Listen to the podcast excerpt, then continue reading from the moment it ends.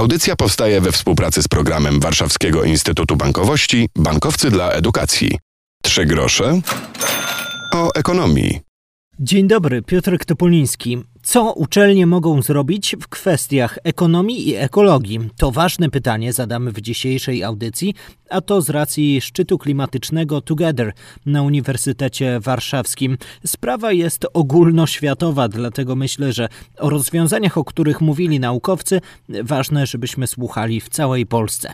W audycji będzie krótka relacja z tego wydarzenia i e, kilka pytań, co możemy zrobić my na uczelniach, jako studenci, jako wykładowcy, by w świecie lepiej się działo. Będzie również o rosnących cenach paliw i o tym, jak szukać innych, być może lepszych również dla planety źródeł.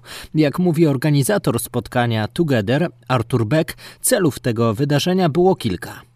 Przede wszystkim chcemy edukować e, Polaków e, z wiedzy ekologii. Chcemy edukować e, i zmieniać zachowanie. Chcemy też wywoływać pewną presję na samorządach, na rządzących, aby przyspieszały kwestie związane z dążeniem do zeroemisyjności. Nie chcemy zostawać w połowie drogi, chcemy iść do przodu, mimo tej trudnej sytuacji, bardzo trudnej ataku Rosjan na, na, na Ukrainę no, mamy dwa wyzwania. Z jednej strony bezpieczeństwo energetyczne, a co za tym idzie rozproszenie energetyczne, ale to nie może być powód do tego, żebyśmy stanęli w połowie drogi i musimy tym bardziej przyspieszyć kwestie związane z odnawialnymi źródłami energii. Musimy iść w stronę offshore'u, musimy iść w stronę wodoru, musimy wreszcie iść mocno w temacie atomu, no bo nie ma innego rozwiązania, nie ma innych możliwości niż właśnie wymienione czy OZE, czy offshore, czy kwestia atomu, żebyśmy mogli mieć czystą energię. Bo czysta energia to dwie rzeczy. To przede wszystkim czyste powietrze, a z drugiej strony niezależność energetyczna, a ci, co mają tańszą energię, mają zawsze przewagę konkurencyjną. Dla przykładu tylko Państwu powiem, że we Francji 60% energii z atomu, Dlatego cokolwiek by nasi partnerzy z Francji nie robili, mają nad nami przewagę ekonomiczną. I to jest wielkie wyzwanie dla Polski, ale też i dla całego regionu, żebyśmy nadrobili, żebyśmy szli w stronę właśnie tej zielonej energii ale też w bardzo mądry sposób. To jest ciężki czas i dla Polski, i dla całego regionu, dlatego musimy właśnie mówić tutaj wspólnym głosem. I Together za cel daje sobie właśnie zaproszenie krajów regionu. Mieliśmy na pokładzie i panią minister Czech, i pana wiceministra energetyki Rumunii. Mieliśmy Litwinów, Łotyszy, Estończyków, mieliśmy Duńczyków, mieliśmy też szereg e, przedstawicieli Parlamentu Europejskiego i Komisji Europejskiej. I ambicją Tugetera jest to, żebyśmy mogli rzeczywiście tutaj we wspólnym regionalnym e, gronie móc dyskutować i rozwiązywać problemy związane z odnawialnymi źródłami energii, ale też ze wszystkimi innymi przestrzeniami związanymi z czystym powietrzem, z wodą i z kwestiami związanymi właśnie z bezpieczeństwem energetycznym. To, co nam się udaje, to też rozwijanie naszego raportu klimatycznego, na który gorąco zapraszam. To jest raport www.tugetr.eu i tam Państwo macie 150 artykułów, które grupują niejako coraz szerzej wiedzę związaną z dążeniem do zeroemisyjności i powszechnie rozumianą ekologią. Naszą ambicją jest też to, że przetłumaczyliśmy te wszystkie artykuły na język angielski. Chcemy, żeby to też było takie kompedium i dla wiem, studentów, doktorantów, dla osób, które chcą, chcą się rozwijać. W audycji dzisiaj temat szczytu klimatycznego Together i rozmowy o tym, co możemy zrobić na uczelni, by były to bardziej zielone miejsca. Koordynatorem do spraw inteligentnego zielonego uniwersytetu na Uniwersytecie Warszawskim jest Jacek Cichocki. Jak mówi Bartkowi Nowakowi, da się znaleźć kilka miejsc, w których można uczelnię ulepszać. I to w niedalekiej przyszłości, być może niewielkim wysiłkiem i nakładem pieniędzy.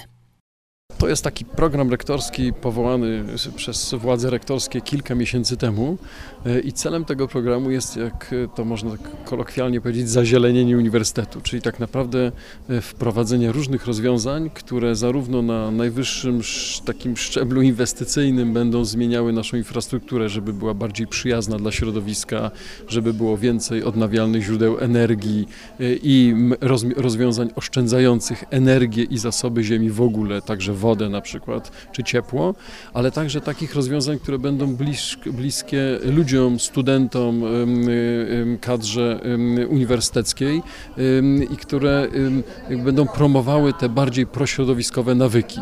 Na przykład, znaczy w ogóle IZU realizowany jest w ramach e, działań różnego rodzaju i jednym z takich działań ma być rozbudowa infrastruktury rowerowej na uniwersytecie, żeby zachęcić członków społeczności akademickiej do przyjeżdżania na rowerach, bo jest to środek bezemisyjny.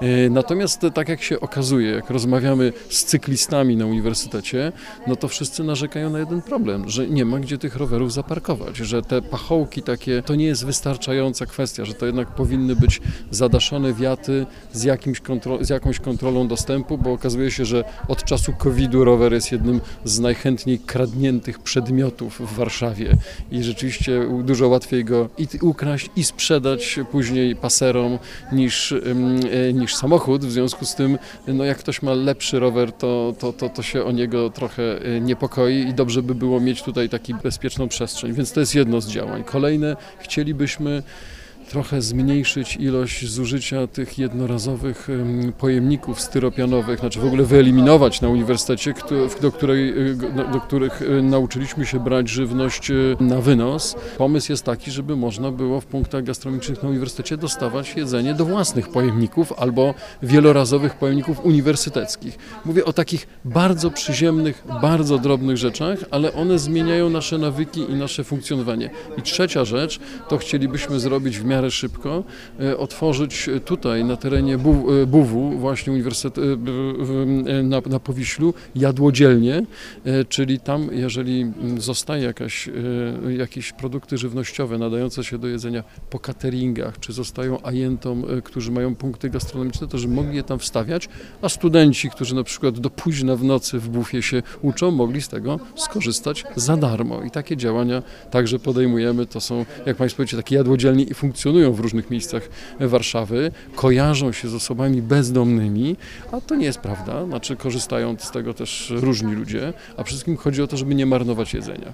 No więc jak Państwo widzicie, od takich rzeczy bardzo inwestycyjnych, dużych, szerokich, typu fotowoltaika, typu właśnie e, termoizolacja, e, czy jakieś rozwiązania inteligentne, które sprawiają, że będzie nasze, nasze budynki będą bardziej przyjazne środowisku, Szczyt klimatyczny Together tematem naszego dzisiejszego spotkania. Szukamy odpowiedzi na takie pytania, jak sprawić, by bezpieczna była przyszłość energetyczna Europy, co oznacza ekogospodarka XXI wieku, no i jak współpracować możemy na różnych polach, by osiągać e, założenia ambitne, jeśli chodzi o naukowe spojrzenie, no a później realizowane w różny sposób przez przedsiębiorców. Na ile to wszystko jest PR-em, a na ile jednak strategią mocną, którą należy podążać. Konkretne działania w różnych branżach wskazuje Rafał Rudziński, prezes firmy Bosch w Polsce. Rozmawia z nim Bartek Nowak.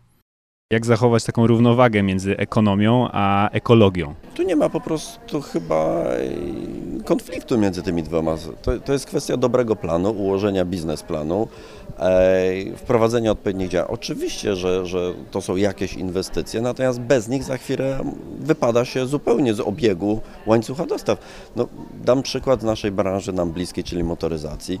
Za kilka lat y, przechodzi niedługo, będzie projekt Fit for 55, jak wiemy, nowa regulacja unijna dotycząca emisji m.in. dwutlenku węgla.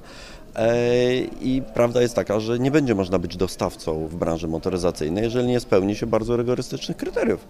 To jest dobry przykład na to, że ekonomia, no jeżeli nie będziesz działał proklimatycznie, nie będziesz mógł być dostawcą, więc niestety wypadniesz z obiegu. Widziałem, że jest Pan fanem motoryzacji. To prawda. Samochody elektryczne to jest przyszłość? Samochody elektryczne zobaczymy tylko w jakim wymiarze, tak? bo dzisiaj mówienie o elektryku to jest, pierwsza myśl jest o samochód e, bateryjny, natomiast e, samochód e, z ogniwami wodorowymi to też elektryczny samochód, tylko z czego innego bierze się prąd w tym samochodzie. Napęd elektryczny jest przyszłością średniookresową, co jest długookresową to zobaczymy, jeszcze są inne też możliwe paliwa taka jest przyszłość. To, to, to nie ma, to, tego nie ulega e, e, wątpliwości. Natomiast trzeba powiedzieć, że droga do tego momentu jest jeszcze troszkę odległa. Tak? To Dzisiaj nie ma takiej opcji, żebyśmy się wszyscy przestawili na samochody elektryczne. To jest kwestia infrastruktury, dostępu zielonego prądu, etc., etc. Także dużo, dużo zmiennych, natomiast droga jest jasno wytyczona. Powiedział Pan o autonomicznej jeździe. To jest przyszłość? Tak będzie wyglądał nasz świat, to takie futurologia i wróżenie z fusów, ale co pan o tym myśli po prostu? To nie jest futurologia. Ja powiem tak, technicznie samochody i pojazdy są bardzo daleko zaawansowane, żeby już ta autonomiczna jazda mogła funkcjonować, natomiast motoryzacja nie jest w tym zakresie samowystarczalna. E, do tego, żeby samochód być autonomiczny, potrzeba też zmian w infrastrukturze i w legislacji.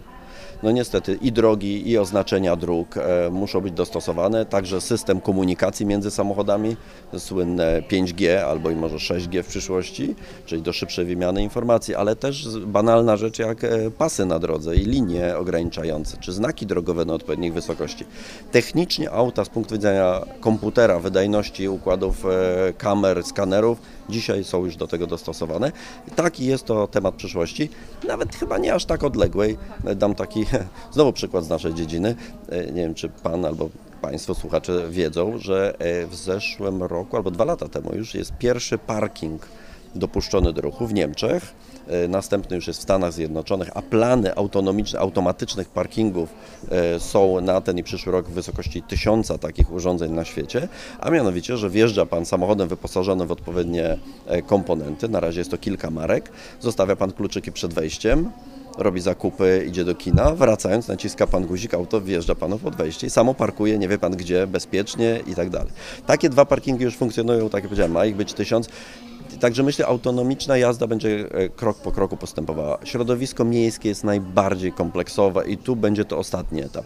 Ale autonomiczna jazda na autostradzie, zorganizowanym ruchu, linie wyznaczone, ograniczenie prędkości. Mogę sobie wyobrazić, że te auta bardzo szybko tam będą autonomiczne, podobnie jak takie obszary, jak na przykład parkingi, tak? Albo jak kampus uniwersytecki o, dużych uniwersytetów.